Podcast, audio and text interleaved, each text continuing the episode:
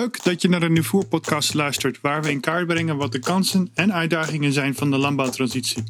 De landbouw beweegt zich naar een duurzamer en op een kringloop gebaseerd systeem en dat heeft gevolgen voor onder andere de voedseltransitie en de biobased economy. Om dat beter te kunnen duiden, gaan we daarom op zoek naar de invloeden van de verschillende perspectieven op de keuzes die we daarin kunnen maken. We nodigen iedere keer een bekende en onbekende pionier uit om samen met ons dit te verkennen. Wat speelt er? Hoe werken de dingen? Welke andere perspectieven zijn er? Hoe vertalen zich deze vervolgens naar de economische realiteit? En misschien nog wel belangrijker, welke kijk heeft deze pionier hier zelf op? Het zijn al met al verhelderende, leerzame gesprekken die meer licht zullen laten schijnen op de wereld van natuurwetenschappen en het ondernemerschap. We willen ook onze vrienden van uw sponsoren bedanken die deze editie weer mede mogelijk gemaakt hebben. Dat zijn Priva, Greenport West-Holland, Rechtstreeks, Gemeente Rotterdam en Laabloeien. Deze vrienden van Nuvoer ondersteunen de productie met een donatie, zodat jij deze gesprekken gratis kan beluisteren. Om te zorgen dat we meer pioniers in het voetlicht brengen, overweeg dan ook om een vriend te worden. Mail ons op info.nieuwvoer.nl voor de mogelijkheden. In deze editie ga ik met Piers Flores van Plant Healthcare in gesprek over de relatie van gezond voedsel, weerbare planten en gezonde bodems. Immers, we beginnen ons langzaam te realiseren dat een gezond bodemleven en het volle spectrum van spoorelementen onze planten juist gezond en weerbaar maken. En gezond voedsel en betere biobased materialen daar juist het logisch gevolg van zijn. Is het misschien dan ook tijd dat we gaan beseffen dat onze relatie met bodem de essentie is van de landbouwtransitie? Vandaag is het nieuwvoer nummer 17 en Maarten Kastelein is op de virtuele bank aangeschoven. En met Maarten ga ik verkennen hoe de biologie een steeds belangrijke rol krijgt in de glastuinbouw. En de aanleiding van dit gesprek was een fascinerend onderzoek dat Maarten op dit moment begeleidt. Hoe ringwormen ingezet kunnen worden als onderdeel van de waterzuivering van de kas. En uh, daarover uh, later veel meer. Welkom Maarten en fijn dat je tijd hebt kunnen nemen en vrij kunnen maken om hier vanavond op de virtuele bank plaats te nemen. Ja, en jij bedankt voor de uitnodiging uiteraard. Ja, en dan meteen met de deur in huis te vallen Maarten. Ja. De link van regenwormen en afvalwaterzuivering, die had ik nooit zo snel gelegd. Nee. En waarom is dit zo bijzonder? Is het bijzonder? Uh, de toepassing is misschien uh, wat uniek, maar het is niet uh, ongebruikelijk dat, dat wormen worden ingezet voor de afbraak van, van ja, chemische stoffen en afvalwater. Dus in, in uh, arme landen zoals uh, India bijvoorbeeld, wordt mm -hmm. voor rioolzuivering worden ook gewoon al uh, dergelijke systemen ingezet. En met een aantal gangen door dat systeem heen heb je aan het eind van de rit gewoon gezuiverd water.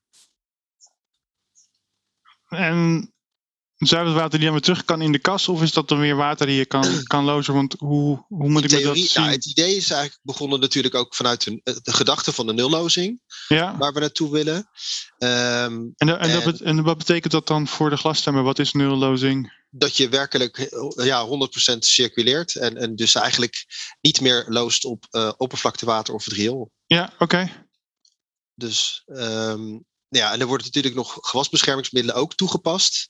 Uh, buiten dat heb je natuurlijk ook altijd te maken met wortelexudaten die mogelijk van invloed zijn op je teelt. Nou ja, daar kan je natuurlijk hard tegen ontsmetten. Uh, maar ontsmetten tegen uh, bijvoorbeeld gewasbeschermingsmiddelen, dat, dat werkt niet. Het zal zeker ook bijdragen aan de afbraak. Um, en er is een onderzoek geweest van de WUR, waarin ze dus inderdaad met vooral bacteriën ja. uh, getracht hebben om gewasbeschermingsmiddelen af te breken. Uh, en onze onderzoek is eigenlijk om dat niet zozeer te reproduceren, maar om te kijken van goh, als wij in zo'n dergelijke uh, vermifiltratie of zo'n filtratiesysteem wormen toevoegen, vergroot dat dan de, ja, de, de, de, de, de capaciteit, de functionaliteit of de snelheid waarmee die gewasbeschermingsmiddelen afgebroken worden. En, en het en? idee is. Sorry? En lukt dat? Uh, nou, we hebben de eerste run gedaan. Um, waarbij dus één bak uh, wel worm had en andere bak niet. Um, maar eigenlijk, ja, of het binding organisch materiaal is geweest of wat dan ook. De, de intervallen waren eigenlijk te, te, te groot. Ja. Want bij meting 2 en 3 was, het, was alles al weg. Oh, wauw. Uh, ja, aan de ene kant wauw. Aan de andere kant, ja, waar, waar zit het dan wel? Zit het dan vastgelegd? Is het dan... Maar dat geldt voor allebei de bakken. Dus we zijn nu de ronde 2 aan het doen. Die is nu afgerond. Ja. Jammer genoeg zijn we net te vroeg om resultaten te bespreken. Ehm, en we zijn er met kortere intervallen gaan testen. Dus uh, zelfs de eerste week om de twee dagen. Ja, en zijn die wormen dan nemen die wormen dan de bestrijdingsmiddelen op? Of zijn zij meer voor het oxidatieproces voor de bacteriën? Uh, ja, stel de ideale wereld. Hè. Kijk, die bacteriën zijn. We hebben echt letterlijk bacteriën verzameld. met hulp van hoogheemraadschap. Ja. op een plek waar we wisten dat er veel gewasbeschermingsmiddelen zaten. Ja. Daar hebben we echt slip, vervuild slip zullen we het maar noemen. Uh, hebben we uh, ook verdeeld over allebei die bakken. Dus dat zouden bacteriën moeten leveren. die in die omstandigheid zouden kunnen leven. Want die kunnen dan wel overleven en mogelijk zelfs die gewasbeschermingsmiddelen, die koolstofbronnen benutten en afbreken. Ja. Het toevoegen van wormen heeft ja, een aantal toepassingen. Punt 1, vergroot je het oppervlak van het filter. En niet letterlijk, maar door de beweging van de wormen. Ja. Dus je kan je voorstellen dat zo'n molecuul van zo'n uh, gewasbeschermingsmiddelmolecuul grotere kans heeft om uh, geraakt te worden door de bacterie die het afbreekt, dan dat je zou hebben in een geval dat je uh, geen wormen hebt die die beweging in die bak veroorzaken. Nou, daarnaast zijn wormen natuurlijk, uh, ja, maken natuurlijk de structuur van de grond veel beter. Dus je hebt veel meer luchtigheid en veel meer zuurstof in die bodem. Nou, oxidatie gaat natuurlijk met meer zuurstof altijd makkelijker. en daarnaast, ja, een beetje een, een wild guess. Ik heb geen idee, maar wormen staan gewoon bekend om dat ze zo goed tegen ook zware metalen en dat soort dingen kunnen handhaven. Ja, dat wist ik niet. Jo. Ja, dat, ze worden ook gebruikt bijvoorbeeld afvalwater van uh, uh, Delft of mijnen bijvoorbeeld uh, te zuiveren. Ja. En dan zou je verwachten met hoge, ja, zware metalen gehaltes dat ze het loodje leggen. En dat zal echt een grens zijn natuurlijk. Maar in dit geval houden ze het dus wel, houden ze het relatief lang vol. En ze blijven ook nog in leven en ja, reproductie vindt ook nog plaats. Ja. Dus er, er is ook, kijk, in het spijsverteringsstelsel van een worm gebeuren ook allerlei dingen. Uh, en mogelijk zitten er zelfs, zijn er zelfs omzettingen mogelijk in die spijsvertering. Um, of je dat echt gaat merken in zo'n korte reeks als dat we nu doen, dat weet ik niet. En dat maakt het wel heel lastig, want de fijne detectie is heel gevoelig van uh, het bedrijf dat voor ons test. Uh, alleen daarmee maakt het dus ook dat je met zulke lage gehaltes aan het testen bent, ja. uh, dat ze ook zo weg zijn, zeg maar. Dus ja. En, maar die lage gehaltes zijn ook de gehaltes waar je in realiteit ook mee ja. te maken hebt? Ja, dat is echt. We, hebben, we werken met standaardwater en dat is een soort standaard oplossing waarmee uh, ja, die is geformuleerd door Wageningen, waar dat dus een bepaald, dus een soort van de standaard die maar gekozen is om een basis te hebben voor de glastuinbouw mee te testen. Met in ons dan geval dan nog zeven gewasbeschermingsmiddelen die we dan ook letterlijk echt toegevoegd hebben zelf. Ja, en, en ik, want ik, uit, uit het artikel begreep ik, jullie zaten op 80% en met wormen hopen jullie dan op die 95 norm, procent norm uit ja, te komen. 80 was Wageningen, maar ik, het, ik, ik, wil, ik hoop gewoon vooral het verschil te zien. Ja. Dus de, de, waarde van die wormen. En verder denk ik dat een dergelijk systeem in, een, in een, bijvoorbeeld een kas waar alleen steenwol ligt, ja. uh, mogelijk ook weer een stukje biologie terugbrengt in het hele systeem. Dat mag je even uitleggen. Uh, nou, in een natuurlijke situatie groeien plantjes niet in steenwol. Ja. ze doen het wel. dat heeft absoluut voordelen. maar ik denk ook wel wat nadelen. Nou zijn Ja. we heel erg gewend nu zo te telen. maar ik, ja, mijn, eigenlijk is mijn visie een beetje, gewoon, ja, ik ook wat bioloog natuurlijk, maar om die, ik denk dat een plant in de natuurlijke situatie het sterkst is. Ja, wij halen hem uit de natuurlijke situatie, zetten hem natuurlijk in een kas. Ja. Eh, Het term kasplantje is bekend.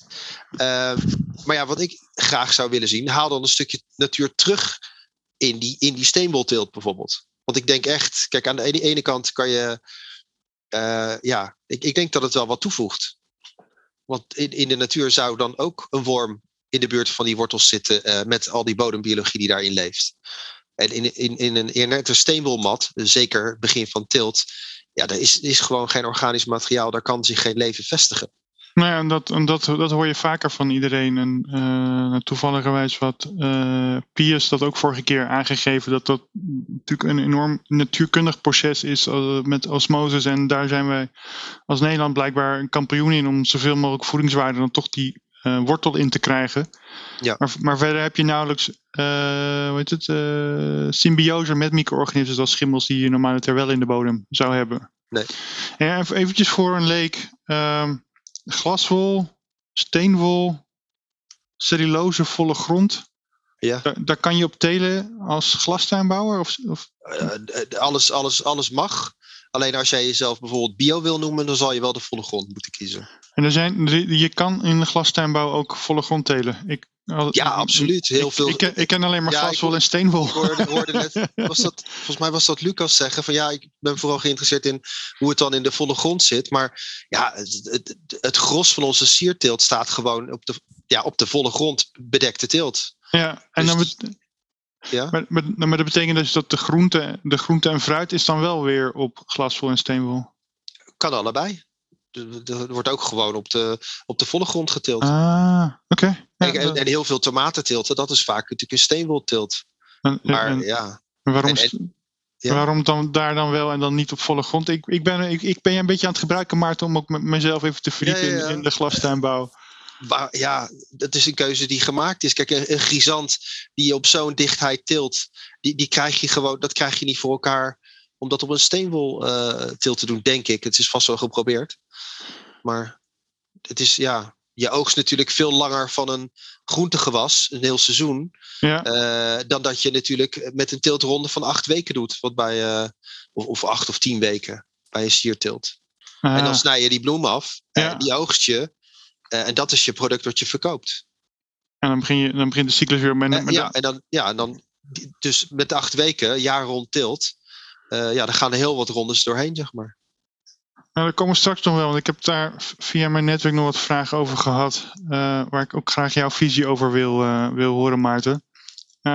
maar misschien even allereerst, wie is, wie is Maarten en hoe kom je verzeild bij de plek waar je nu bent?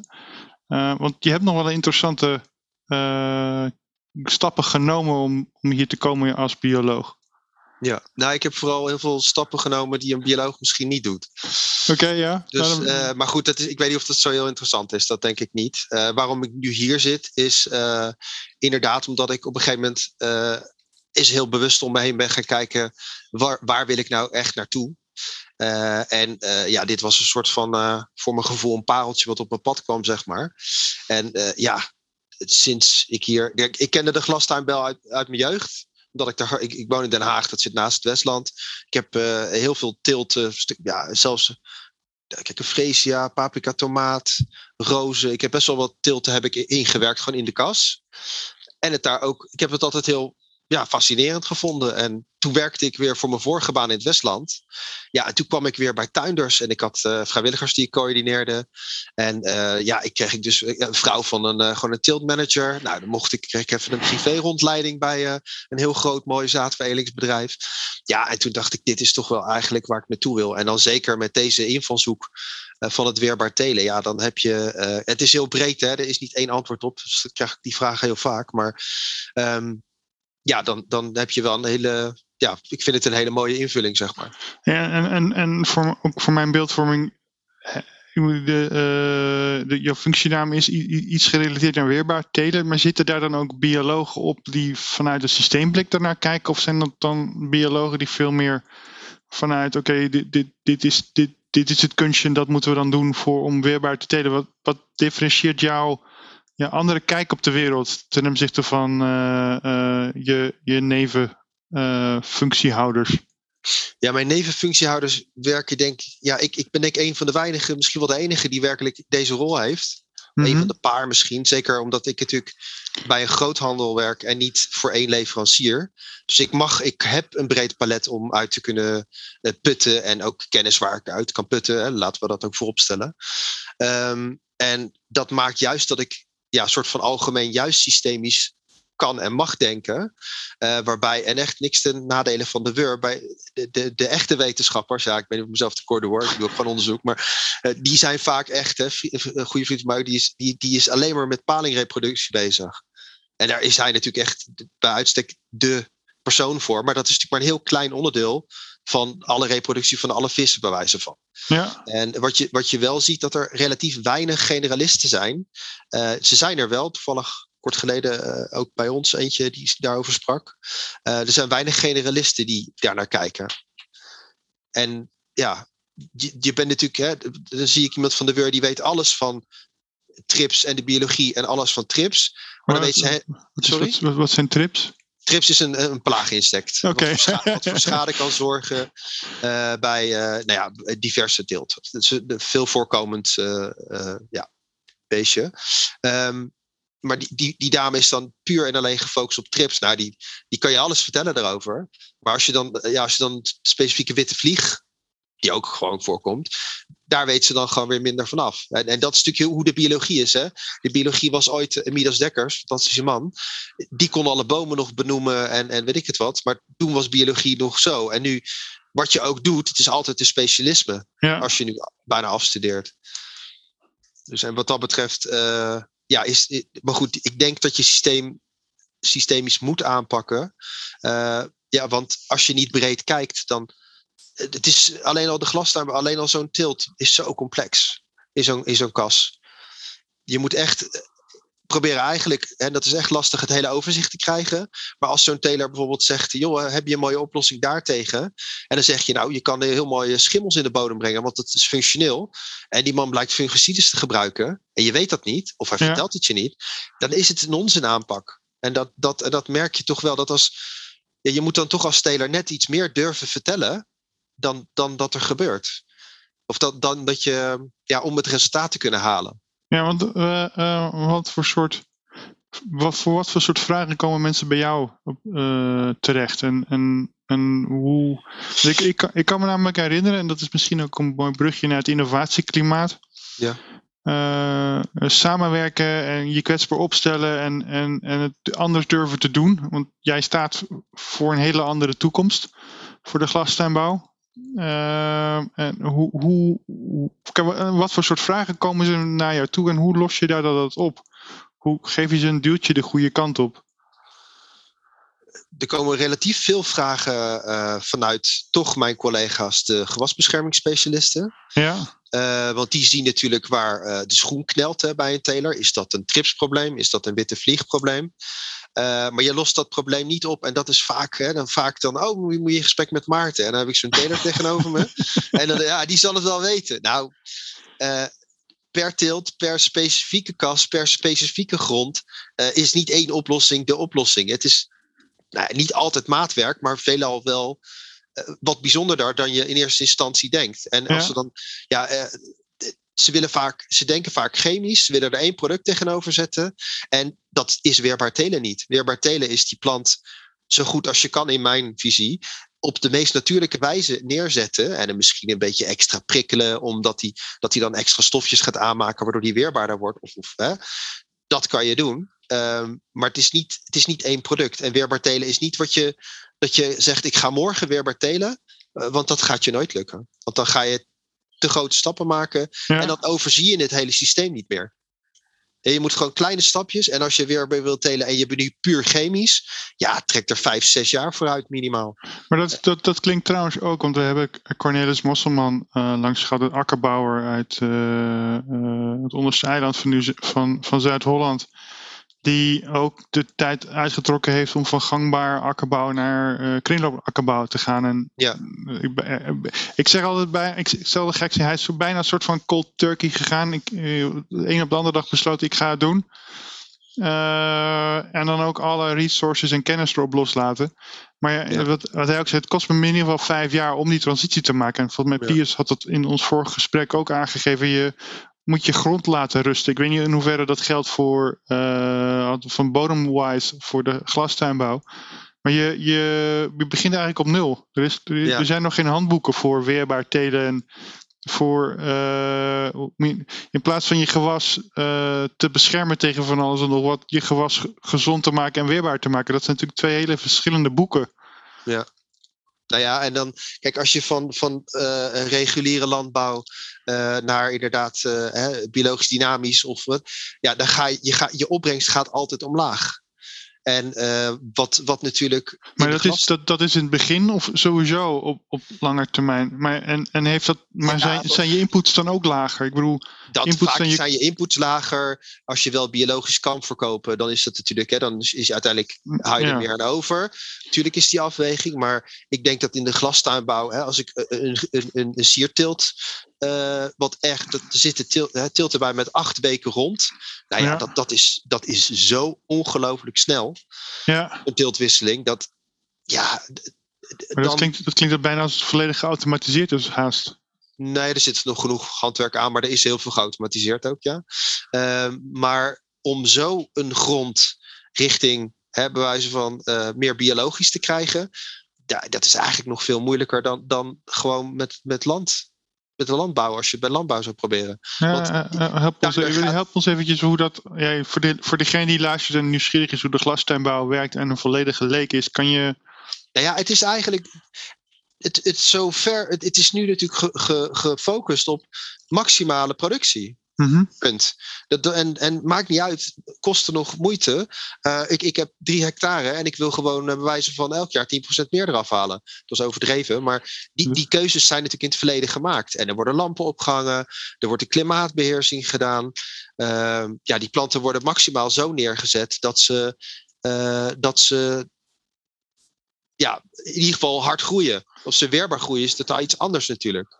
Ze zijn Ja. pas net een beetje bezig als voorbeeld. En het ligt aan de teler. Je hebt natuurlijk wel innoverende types. Eh, maar ja, dat, daar wordt nu net kippen, kippenmest ingereden.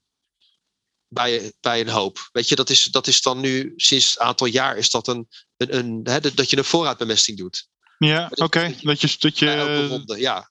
Dus dan, dan doe je eindelijk doe je wat aan die bodem. Maar dat biedt nog niets voor de structuur. Dat biedt nog niets voor, de, voor, de, voor het koolstofgehalte. nee, En, en, eh, of of ja, hoeveel, hoeveel humus erin zit of wat dan ook. maar dat is trouwens wel interessant, want, want dat is dan op eh, volle grond telen.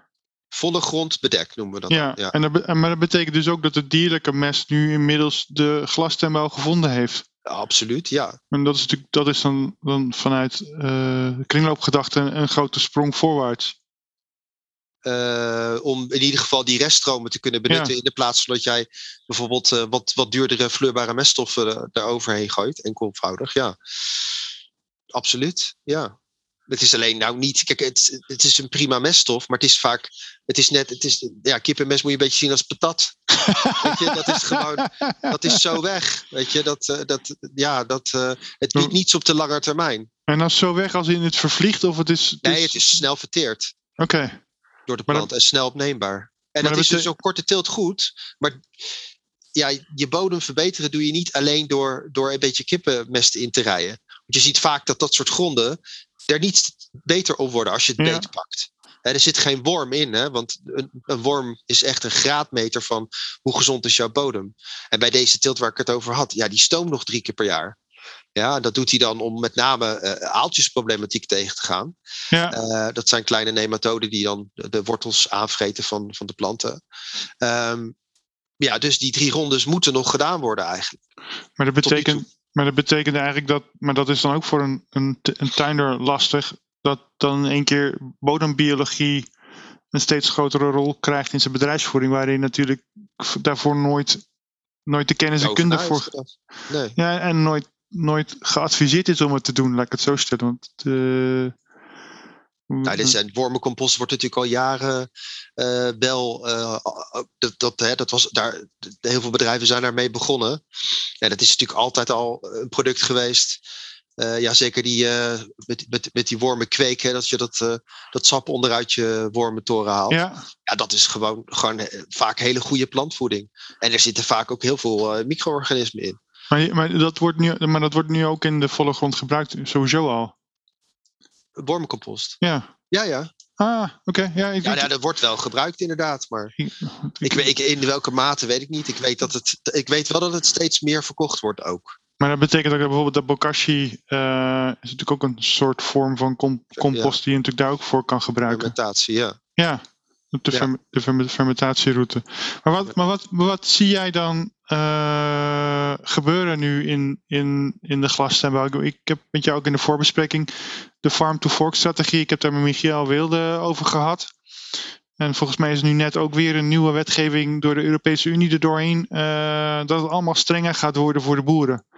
En dat dan strenger voor de gangbare boeren. En het wordt normaler voor degene die al de, de route naar biologisch is dan weer uh, lastig, maar die veel meer vanuit de agro-ecologie uh, landbouw aan het bedrijven zijn. Uh, met of zonder glas. Hoe, hoe, wat, hoe, wat zie jij gebeuren in de glastuinbouw en zie jij die sense of urgency ook ontstaan daar dat men stappen moet nemen? Ja, dat, je ziet heel duidelijk dat, dat, dat de chemie steeds verder afgebouwd wordt. En je ziet gewoon resistenties. Je ziet dus letterlijk uh, van bijvoorbeeld die trips heb ik kort, nou, kort geleden, afgelopen twee maanden, twee keer echt heel duidelijk meegemaakt dat, ehm, dat een bepaalde kweker zeg maar zijn eigen tripsstam had ge, gedesigned. Terwijl zo, zo, zo een goede trips had, dat je er tegenaan kon smijten wat, wat, wat ja. er maar te krijgen was op de, op de markt aan chemie. En gewoon, gewoon niets meer doet. Het gaat er dwars doorheen. Dus, ja. dus uiteindelijk, um, ja, ik merk ook vorig jaar ook weer eind van het jaar, dan, dan is, je, is de lijst op van chemie. En dan hebben ze alles in kunnen zetten wat er was, maar dan komen ze twee maanden tekort in de teelt. Ja, en dan hangen ze aan de telefoon. Ja, heb je nog een optie? Ja, ja, je bent nu te laat. Sorry. Weerbaar telen is iets, dat is een preventieve aanpak en niet een curatieve aanpak. Ja. dus je moet er echt gewoon vooraf mee bezig zijn. Maar dat maakt het lastig, want uh, bijvoorbeeld een andere teler heb ik een bepaald product, maakt niet uit wat, heb ik laten gebruiken. Nou, die had problemen, maar die had dit, deze teeltronde geen problemen. Ja, en nou ja, gaat hij dat product dan blijven inzetten? Nee. Dus ik vroeg van joh, mag ik je mag die planten testen voor je. En ga, wil ik even kijken wat er uh, in ieder geval aan reguliere stoffen in zit. Ja, die kwam gewoon uit. En het is bij deze teelt, hè, dat is niet dat het een wondermiddel was. Maar wel, bevatte meerdere producten uh, in één product. En je had gewoon meer dan 10% meer droge stof in die plant zitten. Ja. Dus je had 10% meer plant. Alleen je zag het niet staan, hè? geen kleurverschil, helemaal niets. En, maar goed, dan kan je echt een lab en test laten doen. En dat, heb ik ook altijd. Meet nou wat je doet. Want anders, uh, op, ik heb er een goed gevoel bij dat, dat, dat heb je volgend jaar niet, weet je wel. Je moet je data op zien te halen. Ja. Um, en nou ja, goed. Dan, kijk, als er dus wel wat in die teelt was gebeurd, ja, kan je je gewoon voorstellen dat een plant die meer inhoud heeft, letterlijk, dat die zich beter kan weren tegen Ja. een probleem. Al is Ja. het droogte, al is het. Ja, en, en dat is dus een hele andere manier van denken. Ja, want ik, ik ben zelf natuurlijk, ik ben met wat verschillende projecten ook bezig in de, in de glastuinbouw. In dit geval eh, tomatenstengels fermenteren, maar dan alleen het sap. En daar ben ik ook tegen aangelopen hoe weinig kennis eigenlijk de glastuinbouwer heeft over secundaire metabolieten. De, de, de, het gesprek met Pius eh, eh, van nummer 16 eh, ging toen ook over inhoudstoffen en, en moet er niet 15 maar 30 doen. Ja. En als je de 30 hebt en zelfs misschien zelfs meer, dan krijg je allerlei secundaire metabolieten. En dat zijn juist, dat kan jij denk ik beter uitleggen dan ik, dat zijn juist al die stofjes die een plant aanmaakt om weerbaar te zijn. Ja, het zijn alle stoffen die niet direct nodig zijn voor de groei. Eh, maar dat, ja, dat zijn heel veel bekende. de- de- maar nicotine is er één, opium, dat soort stoffen. Ja, Eh, nicotine maakt die plant echt aan om zichzelf minder aantrekkelijk te maken. Eh, maar je hebt ook bijvoorbeeld een, een, een lycopene. Dat, dat schijnt ook voor mensen heel, gewoon heel gezond te zijn. En er zijn veel meer van die stoffen. ja, want ja, we, st- stiekem heb ik ooit de opleiding ook nog gevolgd voor diëtist. En er viel mij dus eigenlijk al op toen ik begon hier van joh, voor mensen zijn al zoveel voedingsstoffen eh, belangrijk. Eh, waarom hebben we maar zo weinig elementen? Hè? Maak wel een verschil tussen de elementen en de, de voedingsstoffen. Nutriënten, dat is wat anders. ja, Eh, dus we hebben maar een paar elementen in die plant zitten. En haal je een plant uit, uit de natuur, zitten er veel meer in. En daar gaat het een beetje natuurlijk spoken in je hoofd. Want wat doet die plant daar nou eigenlijk mee? Je Ja. ziet let- letterlijk zie ik nu met het toevoegen van een, een, silicium, dat die hele plant in samenstelling alles verschuift. Eh, Met silicium als element. ja, en wat verschuift er dan?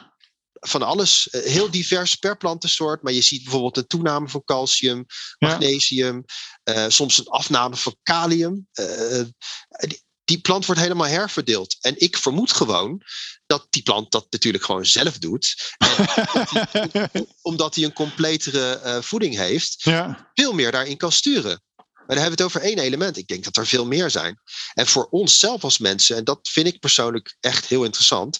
Ehm, ja, dit is wel een beetje glad ijs, maar ja, voedingswaarde van een groente of fruit is natuurlijk heel, ja, al die secundaire metabolieten dragen bij tot die voedingswaarde. We Ja. weten gewoon dat als jij test op, dat als jij vitaminepillen slikt en jij neemt een groente met dezelfde vitamines en mineralen, bij wijze van als in die vitaminepillen zitten, geven die groenten wel een, een, een, een, een eh, werking tegen het ontstaan van kanker en allerlei eh eh spijsverteringsziektes. Maar die pillen doen dat niet. Dus wat zit er dan in die, in die planten? Ja, en daar ja, dat schijnen iets van meer dan 200.000 stoffen te kunnen zijn Ja, divers. En wie weet, ja, er zijn mensen die zich, hebben zich daar wel op gespecialiseerd hoor. Die, die bestaan absoluut. Eh, maar wij als in, in, de, zeg maar in, de, in de glastuinbouw, er wordt niet gekeken naar. eh, eh, maak, hoe kan ik mijn. Want als jij die plant gezonder maakt. Nou, ik, sorry, ik, ik doe gewoon de aanname, dat is gevaarlijk, weet ik. Maar ik vermoed toch ook dat die groenten of de, het, het, de vruchten ook gezonder zijn van die plant. ja zeker weten. Al, al is het maar dat je meer inhoudstoffen eh, krijgt. Ook het feit dat als, je, eh, dat als je heel veel CO2 in een kas gaat pompen, eh, dan krijg je wel meer productie. Maar je krijgt wel legere planten. Ja, ik heb een onderzoek gelezen dat de planten dan last krijgen van obesitas en dan meer suiker in een, meer suikers aanmaken, waardoor je gewoon een, een nou ja, meer, Meer- we weten meer- allemaal, meer suikers betekent dat je weerbaarder bent voor infecties. Nou ja, je hebt, je hebt meer. Ja, het zullen ook koolhydraten zijn, maar hij heeft meer mogelijkheid tot de koolstofassimilatie natuurlijk, of de, de, hè, de, de, de fotosynthese. Ehm, ja, en, da- en dat, ja, dat gaat natuurlijk in zetmeel zitten en suikers. En eh, waar suiker zit, kan geen vitamine zitten of zetmeel. Begrijp je? Dat is een beetje. En die onderzoeken zijn er ook. Ja, en dan Dus kijk, we, we besturen in de glastuinbouw echt op productie. Of, of nee, ja, eh, eh, bulk. volume. meer. Ja. volume inderdaad. Meer dan inhoud. En natuurlijk kijken we wel naar BRICS. Want smaak is ook belangrijk. Maar dat is ook pas van u. En dat ga, dan ga je meer richting inhoudstoffen. Ja, maar je kan ook een te hoge BRICS hebben. wat is BRICS? Een BRICS is eh, ja, de, de, de gehalte aan, ja, hoe moet ik het zeggen, opgeloste stoffen. Vaak ja. is een hoger BRICS-gehalte betekent dat je een zoetige vrucht hebt. Niet altijd, want BRICS zit eigenlijk alle opgeloste stoffen in. ja. Eh, maar je kan ook gewoon een te hoog, volgens smaakpanels, een te hoog BRICS-gehalte hebben. Dus er wordt echt wel gekeken van een bepaald soort. eh, wil ik hem op eh 11 hebben bijvoorbeeld. Maar Want dan, dan maar heb dan- ik die constante smaak. maar ja, dan gaat, dan gaat het om smaak en uiterlijk en niet over de voedingswaarde. Nee, want voedingswaarde is natuurlijk iets veel breders dan, dan of iets lekker smaakt. Ja, nee, maar ik, ik, bedoel, eh, dat, ik ben nou, geschrokken is een groot woord, maar het gesprek met Piers werd wel duidelijk, ook van de, is een bron uit Engeland, eh, die eh, man die dat onderzoek gedaan heeft over wat de eh, inhoudstoffen zijn, en dan vooral aan de mineralenkant. En dat we met z'n allen chronisch onder, ondervoed zijn, omdat het niet meer in onze planten zit. Ik, ik weet in ieder geval van de glastuinbouw in ieder geval aan de groentekant dat men daar ook stuurt op die 16 of 17 spoorelementen. Maar dat betekent dus dat, dat wat je eet niet het hele palet heeft. Nee. Dat je dus pertinent moet bijslikken om die andere, eh was het 15, tot, om die, op, op die 30 terecht te komen. Dat, dat geeft je natuurlijk wel te denken. Eh, Maar kijk je, kijk, je zou al alleen al met een kippenmesje inrijden. ja, ligt eraan weer wat die kippen hebben gegeten. Maar Ja. daarmee zou je natuurlijk, want dat maakt echt uit, hè? natuurlijk. Dat is ook wel logisch. Je bent wat je eet, maar dat geldt natuurlijk voor die kip ook. ja. Die dan dat mes, die mes levert. Ehm, ja, als die natuurlijk al beter voedsel hebben gekregen, dan kan je aannemen dat die mest completer is dan dat die. ja, ja. En het zijn wel echt micro, eh, ja, micro-elementen. Het is niet, het is niet de hoeveelheden eh, in verhouding tot. Je kan je maar bijna de- voorstellen dat als je aan, aan de kust woont en het regent, eh, dat, dat weet ik bijvoorbeeld van, van aardbeientelers die echt geen natrium willen. Eh, er ligt gewoon zout water op de kas. Ja. Eh, dat zoute water stroomt eraf, dat komt in je leiding terecht, komt deels ook in je drain terecht. Ja, en daarmee tackle je misschien al wel dat, dat stukje. Maar we hebben er nooit echt onderzoek naar gedaan. Of, of de, hè, ik heb geen idee, hè? Maar Ja. zijn de groenten gezonder vanaf, van- vanuit het Westland? Oeh, dat moet ik echt niet zeggen, maar dat weet ik ook echt niet. Dan, dan in het midden van het land, waar ze echt alleen maar eh, die, die elementen toevoegen en waar minder vervuiling op zou treden. Nou, ik, ik, ik, ik, voor mij is die vraag wel relevant, want dat betekent ook dat je veel. Ik, ik, ik, vanuit mijn zakelijke kant, ik adviseer bedrijven, ondernemers, uh, agrarische ondernemers, om betere bedrijfsmodellen te hebben. En die kan je alleen maar krijgen als je je volledige palet aan spoorelementen erin hebt zitten. Want dan is de verwaarding naar pharma of naar uh, betere cellulose. Want dat is natuurlijk ook als je meer, wat jij net zegt met silicium, dan wordt het structuur ook anders. Hè? Een andere structuur levert ook andere materiaaleigenschappen en capaciteiten. Maar dan, maar dan heb je altijd de vraag, en dat, dat, oh ja, maar dat betekent dat mijn inputkosten hoger zijn. Ja, maar dat is zo weinig wat je, wat je nodig hebt. Wij eh, we hebben, nou ja, goed, de, ik, ik ben niet vanuit mezelf voor, maar er wordt al, al heel lang wordt er, uh, worden, worden er zeewierproducten ingezet. Ja. Ja, nou, je kan je voorstellen, dat, dat zit lekker in die, in die uh, zoute soep. Daar zit gewoon een hele hoop in. Uh, ik, ik ken heel veel biostimulanten, waar dan vaak stoffen in zitten. Oh ja, en, en toch nog even dat, dat knotsweertje daar ook nog bij zit, voor de zekerheid. en, uh, nou ja, maar goed, en, en heel vaak doen die producten ook wat. Ja, vullen die dan net dat tekort aan? Dat zou heel goed kunnen, dat weet ik niet. Maar het, het hoeft niet de kosten te zijn. Het is meer, uh, hoe halen we de informatie op dat dit ook ja.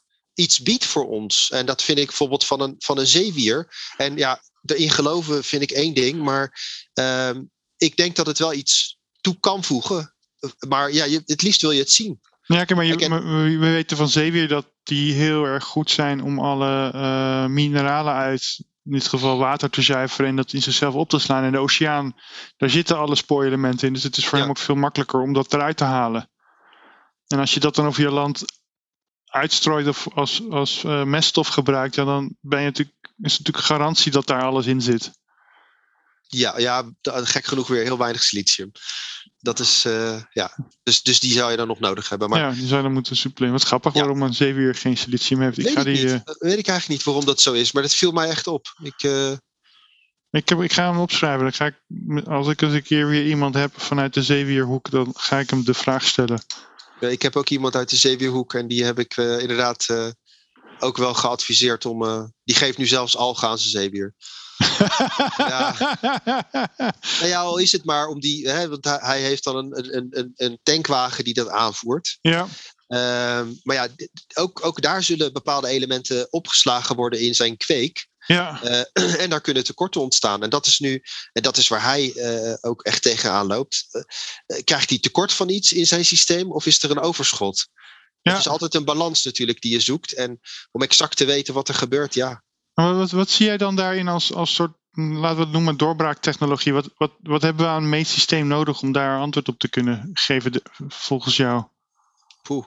Nou, ik zou in ieder geval willen kijken, bijvoorbeeld, of je wel je voedingswaarde, dus niet alleen alle elementen, maar vooral ook of je inzichtelijk kan krijgen of je de voedingswaarde van bijvoorbeeld gewoon uh, een tomaat kan ophogen. Ja. Dat is gewoon wel te testen. Of überhaupt al iets verandert met een kleine toevoeging van een algje bijvoorbeeld. Of als, dat er iets verandert met uh, een toevoeging van een element waarvan je denkt, hé, hey, dit zat er nog niet in. Uh, ga, want we zijn natuurlijk ooit begonnen met stikstof. Toen ja. kregen we de NPK's, toen kwamen de sporenelementen erbij. Nou, eigenlijk is het al 30 jaar bekend ongeveer wel dat silicium er ook in is. Maar er zijn er gewoon meer. En, ja. Maar er is gewoon onderzoek naar te doen of je het verschil ziet. Of ja, je gewoon je, je groente gezonder kan krijgen. Ja, ik vind, ik, vind het, ik vind het leuk en inspirerend en hoopvol. Um, dat je ook aangeeft dat microalgen en zeewier, en in dit geval zelfs ook al kippenmest, een beetje standaard aan het worden is in de teelt. Althans, er zijn heel veel tuinders nu daar al mee aan de slag. Om te zorgen dat ze die mineralenbalans kunnen ophogen en verbeteren. Ja, en ook gewoon om. Kijk, het is ook ja, uiteindelijk, uiteindelijk in een ideale wereld heb je bijvoorbeeld eh, het bodemleven is zo in. in, in uh, en dat zou zelfs met een korte tilt kunnen. Alleen niet als je de bodem reset door te stomen. Uh, bij tilten, ja, dan moet ik ook nog zeggen, je hebt tilten die zijn autotoxisch. Hè? Dus die maken zichzelf kapot.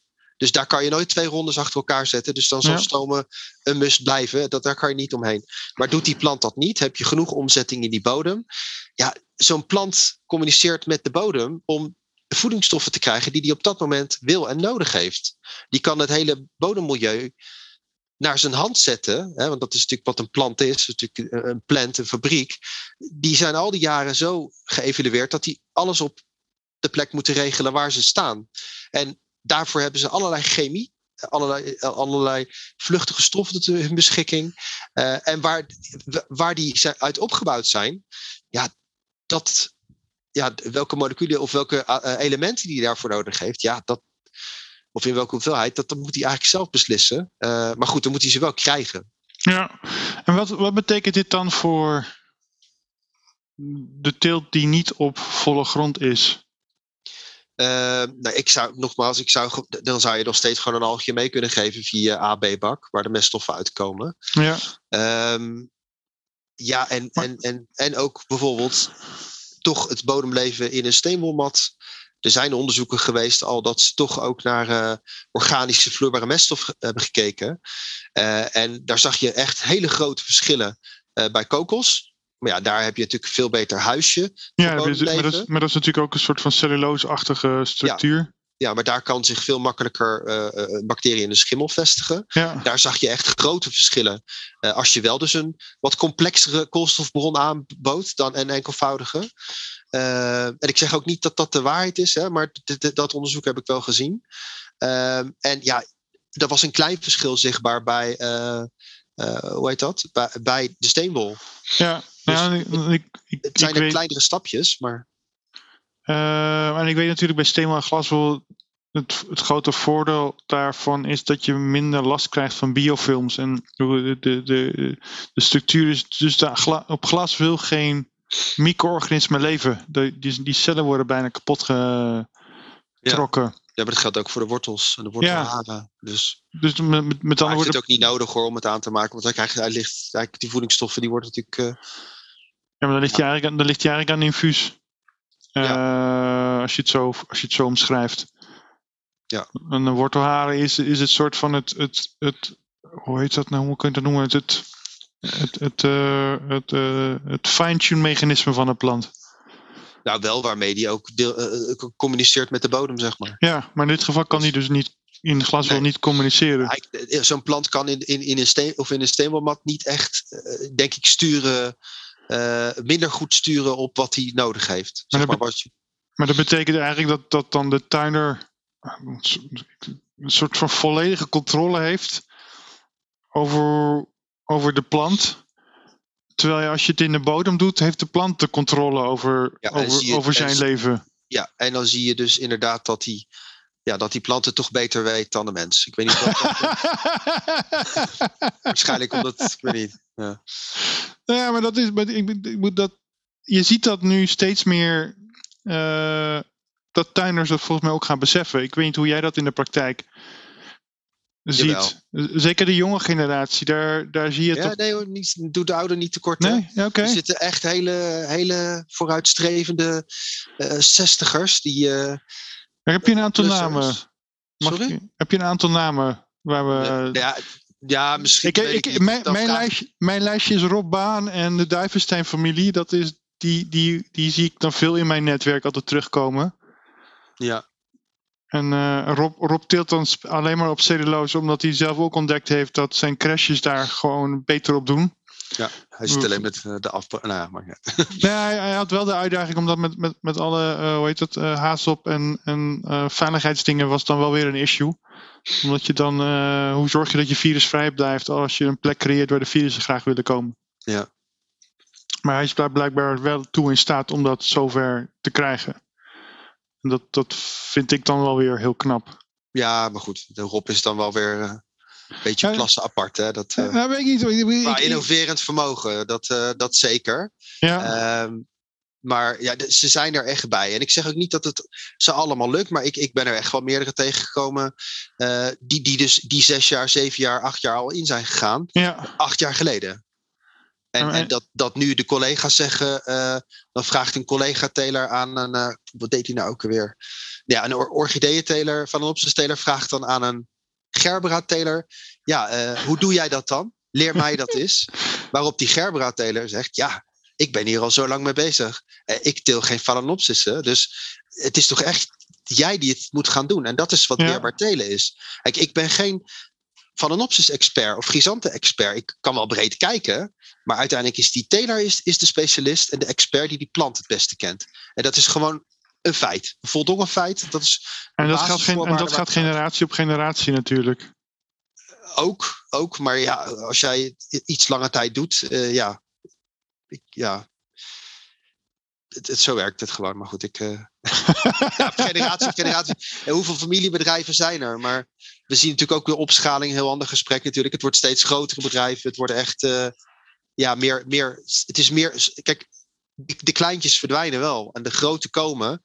Ja. En dan moet wel echt vanuit bovenaf bij de grote een visie en een wil zijn om zoiets te doen. Uh, om, om weerbaar te, delen en, uh, of, of te gaan kijken wat er wel mogelijk is. En je ziet gewoon dat bedrijven, uh, ik, ga, ik ga echt geen namen noemen, maar echt ook grote bedrijven die van de oudsher weinig deden, nu wel die transitie aan het maken zijn. Maar ik kom ook bij bedrijven dat ik denk, oeh, dat is wel spannend dat ik hier uh, langskom. En die blijken dan al, al tien jaar stil te staan. Ja. En dan denk ik, ja, maar wij gaan wel door. En het palet van chemie uh, wordt steeds beperkter. En ja, jullie lopen eigenlijk nu steeds meer in de problemen. Waarom komt er niemand in actie? Maar zie, zie jij die, die schaalvergroting als een, uh, een probleem is een beetje een groot woord. Uh, maar als een belemmering voor innovatie? Uh, schaalvergroting zou niet uit moeten maken. en ik heb dit meer van horen zeggen dan van ehm, dat ik het uit mijn eigen ervaring, want zo lang werk ik gewoon nog niet. Um, maar je ziet wel dat de bereidheid van telers om onder elkaar. Uh, je hebt wel van die, van, die, hè, van die groepen die dan samenwerken, zou ik maar zeggen. De tiltverenigingen en dat soort dingen. Die willen wel met elkaar delen. Maar verder eh, ja, is het toch wel dat, dat het best wel in huis gehouden wordt. Van dit is mijn succes. Ja. Uh, en ik deel het niet met de rest. Ja, en, ik weet, ik, een lector. Ken je Olaf van Koten? De uh, lector van Hogeschool in Holland, inmiddels emeritus lector van de Hogeschool in Holland. Die ook uh, een soort van promotor was in zijn functie toen. Ook om de schaalvergroting in perspectief te kunnen blijven plaatsen. Want als jouw ene klant eruit valt, uh, ja. dan ben je 80 of 90 procent van je omzet kwijt. Ik denk, dat is denk ik ook wat corona heeft laten zien. Ja. dat, dat schaalvergroten uh, vraagt ook ja, misschien qua ook je visie over weerbaarheid ook terugvertalen naar jou als persoon. En dat dan te vertalen ook naar jouw tilt. En, en daarmee ook bepaalde diversificatie creëert.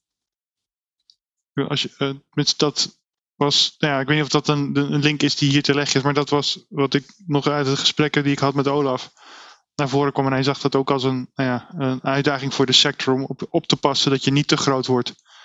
Nee, omdat je, omdat je dan niet, niet, genoeg, niet snel meer genoeg kan bewegen. Nee, precies. Dat, dat, is, dat is wel echt iets wat ik, wat ik ook zie.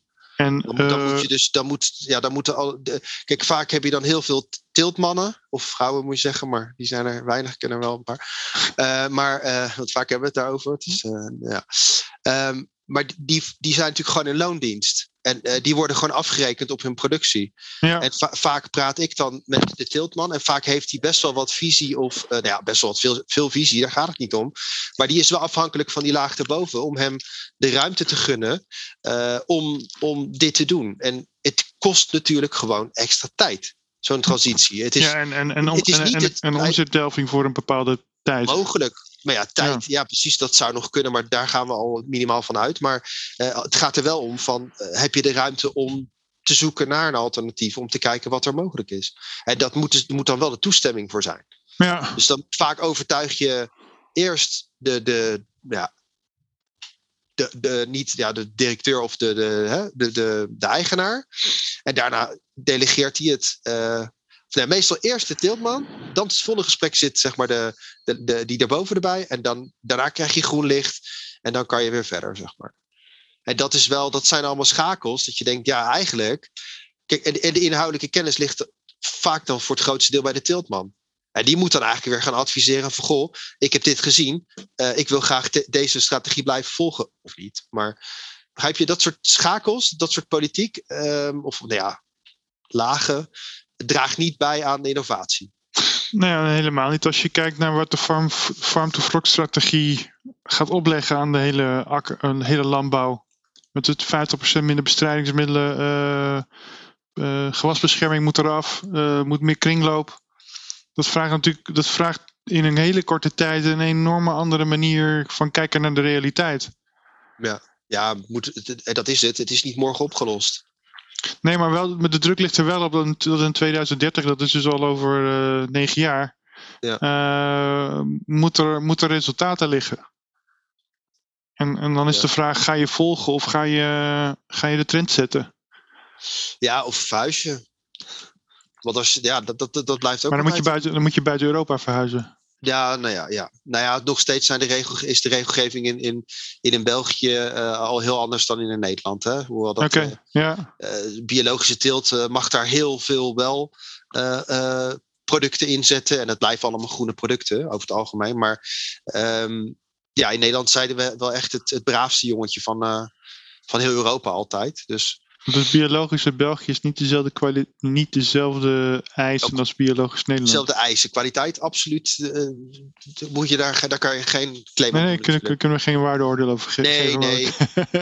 maar- het, het is wel eh, het is makkelijker om bio te telen in België, laat ik het Oh, zo zeggen. grappig. Ja, ik heb, ik heb dat in dat gesprek met Michael kwam dat dit ook ter sprake. Dat sommige gangbare boeren al meer biologisch zijn dat ze denken, maar niet bewust die certificering opzoeken. Nee. En sommige biologische boeren net aan de onderkant zitten. En waar je denkt van ja, ben je nou echt nou biologisch of niet? En Ja, Maar dat zijn puur- puur voor ja. ja, puur, puur voor het, markt. ja, het logootje wat je erbij krijgt. Ik, ik kan me niet meer, ik weet niet meer of, of ik dat zei of jij dat zei, maar we, we hadden het in ons voorgesprek over biochemie is, me- is een medicijn. Ehm, is, zie je dat dan ook zo en, en is dat ook iets waarbij je dat kan gebruiken om eh, telers te overtuigen dat plantenweerbaarheid eh, als medicijn veel, veel slimmer is om te doen. Dus in plaats van eh, reactief een middeltje erop gooien, meer preventief zien als, als, we, als we dingen op de plan zetten en we zien dat als medicijn, dan, dan ligt dat dichter bij onze belevingswereld dan dat we eh, ook als mens, dan gaan we naar de dokter en dan krijgen we een medicijn en dan weten we dat we ons daarna weer beter voelen. Is dat iets waar, wat, wat, jij ziet dat je daarmee ook telers kan overtuigen om op die kant, die kant op te bewegen? Je bedoelt die, deze manier van bar- Ja. argumenteren? Ik weet het niet. Het is niet, het is niet mijn boodschap. Want ik heb, ik heb zoiets, die plant die kan veel meer dan we hem nu de ruimte geven. Ja, Ehm, ja. Ja, kijk, eh, in principe is eh, biologische bestrijding is ook. eh, dus de- denk aan de, de, de gewasbescherming. Dus, dus qua eh, de, de, de beestjes, de roofwans, Ja. wat, wat je inzet. Ehm, je ziet bij de meest complexe teelten zie je ook heel veel diversiteit eigenlijk in die kas. Het blijft niet bij één sluipwespje wat, wat het doet. Nee, maar je hebt voor die plaag zet je die in, voor die plaag zet je die in. En het is echt hele complexe eh, wetenschap en materie. En zelfs binnen het seizoen wordt getuned van joh, we zien eh, rond eh, het begin van de lente zien we deze plaag zich op. Dus we zetten het leger voor die plaag zetten we alvast klaar van tevoren. Maar nou ja, we voeren hem voor de zekerheid, voeren we hem al wat bij dat hij nog in leven blijft. Ja? En dat hij zich kan handhaven. En, en dan op het moment dat die plaag er is, dan heb je alles klaarstaan. Dat is, gewoon, dat is juist de preventieve aanpak. Eh, dat, bij de biologie wordt dit ook gewoon al gewoon zo gedaan. En dat is ook een omslag die tot nu toe niet. Want je bent dus geld aan het uitgeven, terwijl je niet weet wat je ervoor terugkrijgt. ja. Dat is het natuurlijk, dat is natuurlijk de, de crux een beetje. Eh, van ja, dan doe ik het, het. Vorig jaar denk ik dat het wel gewerkt heeft, maar ik weet niet zeker. Dus, dus ik, ik, ik, ik stop er, ik doe het dit jaar maar niet.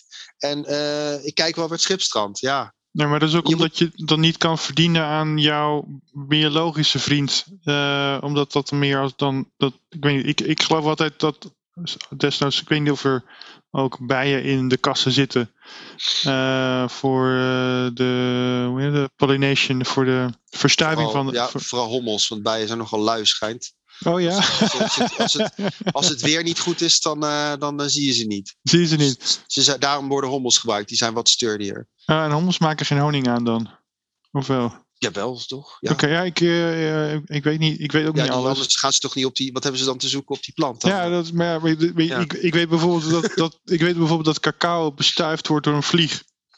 Ja. Dus die, die, die vindt dat blijkbaar lekker en wandelt over al die, al die eh, bloemen heen. En blijkbaar is dat dan de bestuiving die die cacaoplant nodig heeft. Voor open veld overigens worden wel eh, bijen gebruikt, hè? Dus dat is echt letterlijk iemand die dus een bus vol met bijen heeft. En die Ja. moet bijvoorbeeld bij een bepaalde zetting van aardbeien, veelal zie je dat. Dus dan, moet, dan weet je gewoon ongeveer wanneer moet die bestuiving er zijn. Nou, dan komt hij gewoon aanrijden, zet hij al zijn volken neer. Woef over dat veld heen. En dan, en dan hebben ze hun werk weer gedaan. En dan is het eh, klaar. Maar bij ons is, in de kast is het echt voornamelijk eh, eh, ja, hommels. Ja, oké. En, en helder. Maar als we dan toch over deze eh, eh, beschermingsmiddelen of bestrijding, hoe dit, eh, de biologische vrienden slash vijanden hebt.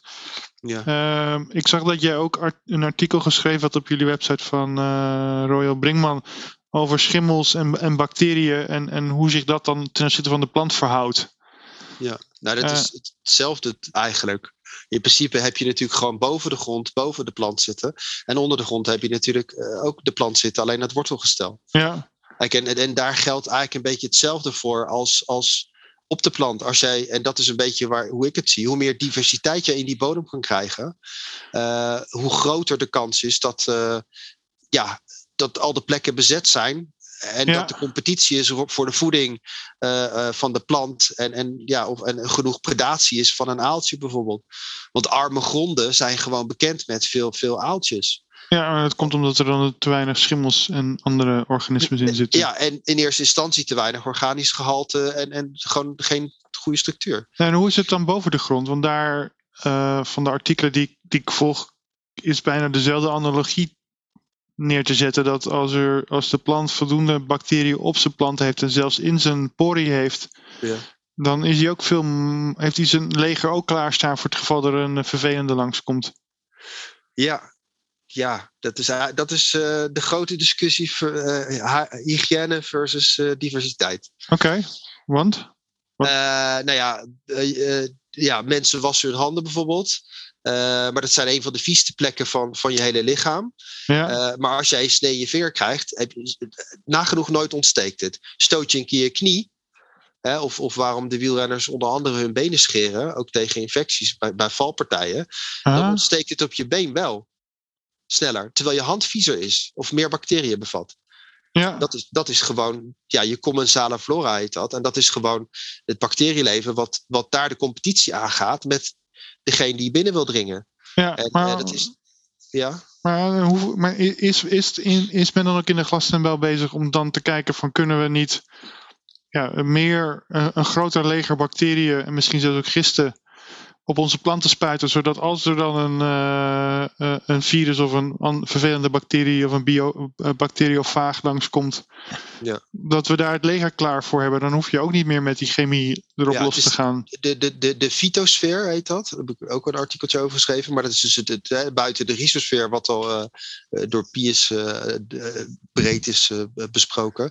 De, ehm, de, de fytosfeer is dus het milieu op het blad. Ja, Eh, en ook lichtjes rondom, hè, bijvoorbeeld in het waslaagje.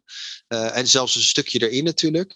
Eh, ja, dat is een van de meest enigmatische dingen van het plantenleven. We weten nog wat van de bodem, maar echt bijster weinig van het blad. Maar neem niet weg dat, dat er echt al producten zijn, waaronder bacterieproducten, die op het blad worden ingezet. Ook tegen bepaalde, zelfs erkende producten, die, die tegen bijvoorbeeld de meeldauw werken. Dus die bezetten eigenlijk al voor een deel die plek. ja. Alleen vaak zijn dat niet de bacteriën. Ik heb volgens mij maar één schimmel. Die, eh, maar ja, die moet ook net lekker klikken met die plant waar die op landt. Hè? Want dat is ook altijd weer zo'n discussiepunt. Maar ik ken maar één schimmel die echt als, volgens mij als roofschimmel bekend staat. En die ook echt op het, op het blad zich huisvest. Want nu worden vaak bodembacteriën ingezet op het blad. En natuurlijk, als jij natuurlijk al wat bacteriën inzet, eh, al is het maar de voeding die op dat blad ligt, hoe weinig dat ook is, of door vegetatie, of weet ik het wat eruit komt. Kijk, als iemand ander, als een ander wezen dat al opeet, dan is er minder te eten voor. ja eh, predatoren. ja. Ik bedoel, zo'n meeldauw die komt ook vaak op, op de lek, gelekte suikers van, van, van, een, van een bladluis af, zeg maar. Weet je wel? ja, ja, Zo, zo helpt iedereen elkaar een handje. Maar dat wil je nee, natuurlijk tegengaan.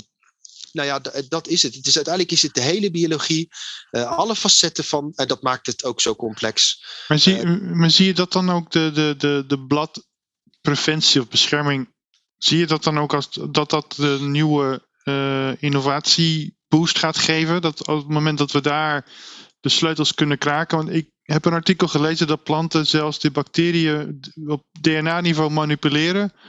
Dusdanig dat ze dingen gaan doen om te zorgen om, om, de, om grondstoffen uh, van buiten het blad door het blad naar de plant toe te duwen. Ja, ja, het kan zo ver gaan, ja. Maar dat is zo mindboggling dat je. Ja. Maar voor, een bio, voor, een bioloog, voor mensen die iets ja. van bioloog snappen, dan is dat toch ook gewoon. Ja, het is gewoon zo. Maar bij, bijna wat je kan bedenken, dat, dat is gewoon mogelijk. En dat is dus. Die plant, daar gaat het, dat is eigenlijk het punt. Het is die plant die kan zoveel meer dan wij nu ja. benutten. En laten we daar toch vooral op focussen. En uh, onze ervaring mee opdoen. En dan vooral gewoon de komende tijd. Dat, dat lijkt mij het beste. Hm, ja, uh, het is alleen. Ja? Nou ja, dat betekent dus dat ook dat we ervan uitgaande dat we de bodem al, al gewoon redelijk goed snappen. Nou. ja, redelijk.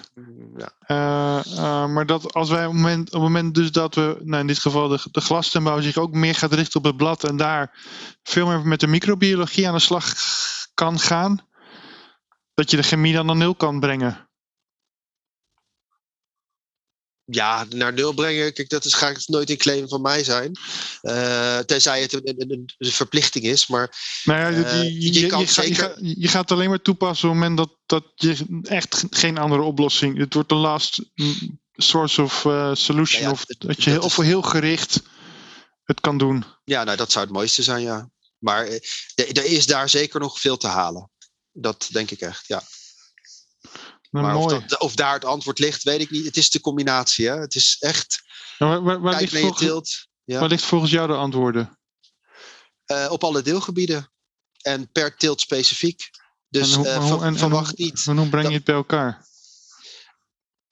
Nou ja, er is niet ook alleen iemand nodig van, uh, die, die een plantweerbaarheidspet op heeft. Er is ook iemand nodig die de gewasbescherming vanuit de, de beestjeskant heel goed beheerst. Uh, die persoon is ook onmisbaar. Er is ook een meststoffenspecialist nodig, die breder durft te kijken dan, dan wat nu bekend is. Uh, die ook uh, aan bladbemesting durft te denken. Ehm, die, die persoon is ook nodig.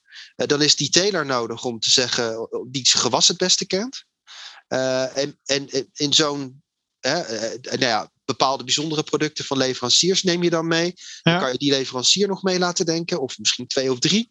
Kijk, en dat, dat, die, zo'n uh, gecombineerde, die gecombineerde expertises, als dat samenwerkt, ja, dan kan je wel stappen gaan zetten.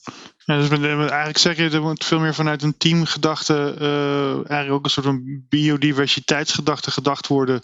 Ja. Om op die manier naar de teelt te kijken. En niet alleen uh, in de kokers, wat we al, nou ja, nee. al die jaren na de industriële revolutie gewend zijn te doen. Ja, nee, kijk, het, het begint gewoon, uh, ja, als je topsport doet, het begint bij goede voeding. Dus ja, dat is, dat is je eerste stap. En, maar, heb je, ja. maar dan heb je een goede masseur, dan heb je een, een diëtiste, ja. dan heb je een goede fysiotherapeut. Oh, ja. Ja. Op natuurkunde, biologie en scheikunde heb je dan altijd wel iemand die meekijkt en meedoet. Ja. En misschien nog iemand die dan je, je poep controleert, maar dat is dan weer een ander een onderwerp als we dan toch uh, over je, je inputs en outputs aan het kijken. eigen microbioom, ja. Ja, uh, om te kijken hoe het gaat. Um, wat, wat is jouw... Als, je als we de kringlooplandbouw centraal stellen, waar zie jij de grootste kansen voor de sector? Voor de glastuinbouw. Voor de glastuinbouw. En water heb je net aangegeven, dat, dat moet naar 95%. En ik vermoed dat dat op een gegeven moment ook gewoon naar nul moet, zoals je zelf aangaf. Ja. Dus daar zit, daar zit druk op met ten aanzien van je gewasbescherming. Dat, dat, ja, dat is een dingetje voor datgene wat je moet weghalen. Uh, maar op welke vlakken zie je nog meer? Waar, welke transities zijn er nog meer gaande? Ja, waar, je, waar, we de komende jaren heel veel van kunnen verwachten. Er gaan steeds meer middelen natuurlijk af. Uh, minder residuen worden gevraagd door de, uh, door de groothandels. Dus uh, daar, daar zit ook echt een, een, een, een ja, sturende kracht, denk ik. En verder, ja. Ik, ik weet niet in hoeverre we die transitie moeten maken onder druk en wat haalbaar is. Ik, ik, denk dat het ook een stukje gaat om, om je eigen. Er zijn gewoon telers die, die gaan door met de chemie totdat het niet meer kan. En dan, ja, dan stoppen ze ermee. Ja, of, ja dat is ook een keuze. Uh, het, ja, je, moet, je moet echt wel een beetje innovatief zijn of willen denken of, uh, om, om, om die kant op te gaan. Maar ja, waar de grootste mogelijkheden liggen, ja, hoe bedoel je het precies? Nou ja, waar, waar, waar, waar, zie je dat, dat de komende jaren enorm, enorm veel tractie gaat komen en, en, en een boost komt aan innovatie en, en nieuwe toepassingen aan producten? Nou ja, over het algemeen is dat toch vaak wel de glastuinbouw geweest. Maar uh, hoe de toekomst eruit ziet, ja, daar heb ik geen glazen bol. ik denk, ja, kijk, onder, onder, onder regelgeving moeten we wel. Ja. Maar regelgeving is niet altijd in de goede, niet de goede sturing voor het resultaat wat je eigenlijk wil hebben. Tenminste, dat vind ik. Nou, er worden, er worden maar, keuzes Ja? En om, misschien, om dan het anders te formuleren. Als je kijkt naar die innovatoren waar jij dan uh, mee samenwerkt wat onderscheidt hun ten opzichte van de volgers? Ja, totaal hun visie natuurlijk. Het groen willen denken, het, het, juist wel in de toekomst uh, toekomstbestendig zijn. als, je nu, als je nu je kennis opdoet in het hier en nu, uh, ja, dan loop je natuurlijk wel 5-0 voor voor iemand die er over tien jaar aan begint. En dat is natuurlijk dat stukje wat je wel investeert ja, dat is de drijvende kracht erachter. Ja. ja en, en, en, daarmee zie je ook dat ze, dat ze nu ook de koploperspositie aan het overnemen zijn. En dat op Zeker, ja, ja. En dat kan soms dat je bij een tuin komt dat je denkt, dan verwacht je het niet. En, dan, en, dan, en dan, denk je, en dan, ja, dan zit je in gesprek en dan denk je, nou, ik kan hier wel weer vertrekken. Oh ja? Ja, oh ja, ja, ik heb vaak nog wel iets te vertellen. maar, maar ik bedoel, er zijn echt uh, bij die, uh, dat, die, die zijn er gewoon echt. Ja, en die, en die, die, die doen gewoon hun ding en uh, hebben niet zo de behoefte om op de barricade nee, te gaan staan nee, en maar te dat vertellen. Is typisch, dat is typisch glastuinbouw. Hè? Dat is eigenlijk, het is echt een fantastische sector, maar die, die ja, zichzelf echt in media echt heel erg tekort doet. Ja, dat is dan ook weer dat is hm. zonde eigenlijk. ja, ja, ja. Het, is, ja, het is echt wel heel bijzonder wat er gebeurt. Uh, ja, en uh, nou, daarvoor wel wat meer. Ik doe mijn best met mijn podcast, ja, uh, Maarten. En nee, om, om iedereen aan alle kanten te laten. Ja, maar dit is, dit is, er gebeurt zoveel constant. En we vergeten soms ook om dat in perspectief te plaatsen, maar ook in de achterliggende grondslag en, en gedachtegoed dat met elkaar te delen. En dat, dat is denk ik gewoon super belangrijk dat we dat uh, meer, meer doen en dat dat ook gebeurt. Want wat je zelf zegt, ik bedoel, uh, innovatie komt van over de bij de buren kijken en zelfs misschien in een andere industrie kijken die niet direct aan jou gerelateerd zijn. Ja. En uh, Cornelius had daar, vertelde dat ook dat hij kennis ergens anders vandaan had en dat dat in zijn, op zijn eigen boerderij toepast. En dan denk je, het werkt wel bij mij. Um, is, er nog een, is er nog een vraag die ik had moeten stellen, Maarten, die ik vergeten ben? Nou ja, ik, ik misschien nog één keer belichten dat. Kijk, uh, de, de, voedingswaarde, dat vind ik persoonlijk heel interessant. Uh, daar zou ik eigenlijk meer mee willen. Voedingswaarde voor de, voor de plant. En daarmee, gewoon, neem gewoon een reguliere uh, steenwolteler. Uh, die, die, die wel bereid is om te kijken van goh, als we wel op het niveau van voedingswaarde uh, naar, die, naar mijn product gaan kijken, uh, is dat mogelijk om dat te verbeteren? Ja. En, en dat is dan een, een open call naar een, een teler, maar ook naar een lab en iedereen die in die keten zit. Ja. Oké. Okay. Super gaaf, Maarten, dat ik met jou hierover heb kunnen, uh, van gedachten heb kunnen wisselen. En een eer dat je een kijkje genomen hebt in de keuken van de glastuinbouw. En uh, dankjewel. Uh, heb je ervan genoten? Ik vind het leuk. Oké, okay, ja. hartstikke goed. Dankjewel. Leuk, dat vind ik altijd fijn om te horen. Nou, dank allemaal uh, voor deze nieuwe editie. En hopelijk tot de volgende keer. En dat was het alweer voor deze editie. Dank voor het luisteren en ik hoop dat je het, net als ik, het weer een leerzame editie gevonden hebt. En vergeet natuurlijk ook niet onze podcast een beoordeling te geven als je enthousiast bent. Wil je ook de andere gesprekken terugkijken? Dan kan dat op nieuwvoer.nl, ons YouTube kanaal en natuurlijk ook jouw podcastplatform. We kijken ernaar uit je een volgende keer weer te mogen begroeten. Tot ziens!